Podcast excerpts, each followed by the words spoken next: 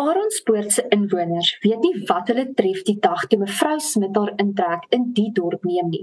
Die skrywer Elisabeth Wasserman neem ons nou saam met haar op reis deur die wonderlike verhaal van die fantastiese mevrou Smit. Elisabeth, na my mening, kan ons nie begin om oor jou boek te gesels sonder om eers oor die kleurvolle voorblad te praat nie. Vertel my eers, het jy insig in die ontwerp daarvan gehad en wat was jou eerste gedagtes toe jy die ontwerp gesien het?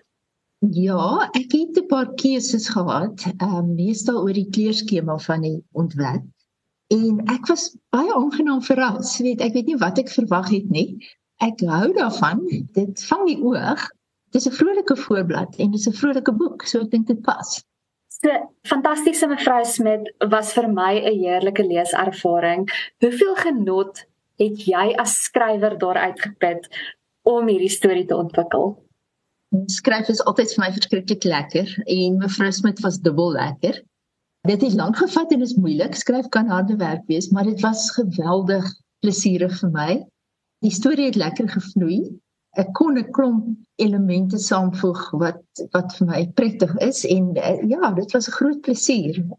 Was daar vir enige hoogtepunte in die skryf van hierdie boek iets wat vir jou uitgestaan het of meer of lekkerder was as ander? Die karakters dink ek, jy weet want ek het begin met redelike stereotipe klein dorpie karakters en hulle het my verras die manier hoe hulle ontwikkeling gegroei het en en hoe hulle met mekaar te doen kry ook.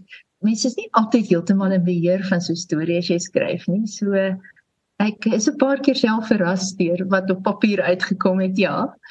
En jy het dan gesê dit het jou baie lank geneem om die storie te ontwikkel en te skryf. Is dit omdat jy dalk nie voltyds aan die boek geskryf het nie of was daar ander faktore wat ook ingespeel het op dit? Ja, in die aard van die saak, ehm um, skryf ek maar vroeg in die oggend vir 'n uur of 2 en elke dag, so dit is 'n onderbroke proses vir my. Ek het nie lekker lank tye gehad wat ek net kon sit en skryf nie. Maar dan gee dit ook jou onderbewuste kans, weet, om vooruit te werk. Ek kon party oggende nie wak as ek wakker word kan ek nie wag om my buite op my stoel te ry sodat ek kan begin skryf nie. Ek is meestal 'n kinderboekskrywer gewees en dit het my ook 'n hele paar probeerslae gevat om die styl en die stem van mevrou Smit reg te kry. So daar was baie oorskryf en herskryf wat gebeur het. En waar het jy inspirasie gaan haal spesifiek vir die vele fasette van mevrou Smit? Hoe het jy haar ontwikkel? 'n skrywer is seker maar altyd iemand wat 'n observeerder is en rondom jou rondkyk en um luister en jou ore spits. Die mense om my natuurlik alhoewel daar nie een spesifieke karakter is wat enigsins herkenbaar is in die lewe mense rondom my nie. Ek dink baie keer mense se frustrasies en wat hulle graag sou wil sê en wil doen wat mevrou Smit haarself vrylik toelaat het nogal 'n hupstoot aan die storie gegee, ja. En dan ons almal se frustrasie want ek het die storie hierdeur COVID pandemie geskryf en toe kom Eskom en jy weet al die korrupsie en politiek en almal is so kwaad. Dis 'n lekker uitlaatklep om dan so 'n humoristiese storie te skryf.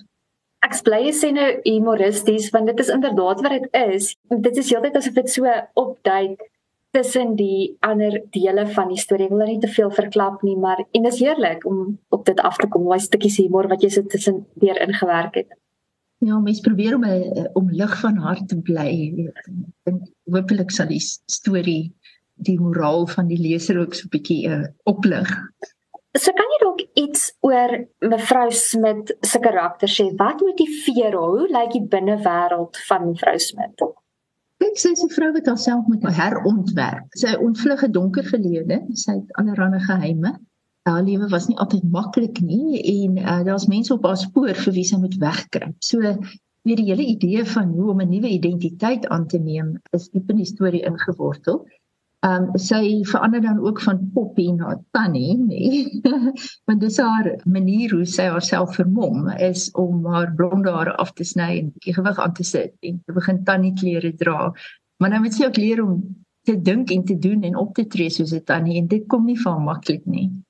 Daar is 'n deel van my wat bietjie jaloers is op mevrou Smit wat haarself toelaat om al die lekkernye en stukke koek te verorber sonder om skuldig te voel. Daar is, jy weet, mens voel op half, ja, kan ons almal nie maar net so rukkie dit doen nie, maar dit is maar net vir my as leser my persoonlike ervaring of gevoelens wat by my opgekom het as ek die boek gelees het.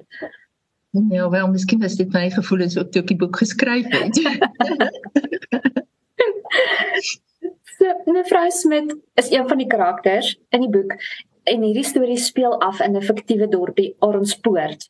Hierdie dorp is lig weggegrond op Montetjie, eh, die die klein dorp. Waarom spesifiek hierdie ruimte? Ek is baie lief vir Montetjie en dis 'n plek waar jy ons graag naweke ontsnap as ons bietjie wil wegkom van die stad se gevoel. Dis 'n lieflike dorp. Aronspoort soos jy sê is ligweg daarop geskoei. Ek het die natuur rondom dit geleen en van die straatname en 'n paar idees uit Montetjie uitgekry. Aronspoort is miskien 'n bietjie soos Montetjie was 'n tydjie terug, uh, in die verlede toe hy klein bietjie kleiner was. En dan 'n laaste vraag, watter een van die karakters in die storie lê jou die naaste aan die hart en waarom? Miskien Hester, maar die leser moet maar self gaan kyk wie Hester is en en wat sy is en waar sy vandaan kom. Ek is baie lief vir die natuur en vir diere en baie van wat ek skryf is maar daarom gesentreer. So ja, Hester.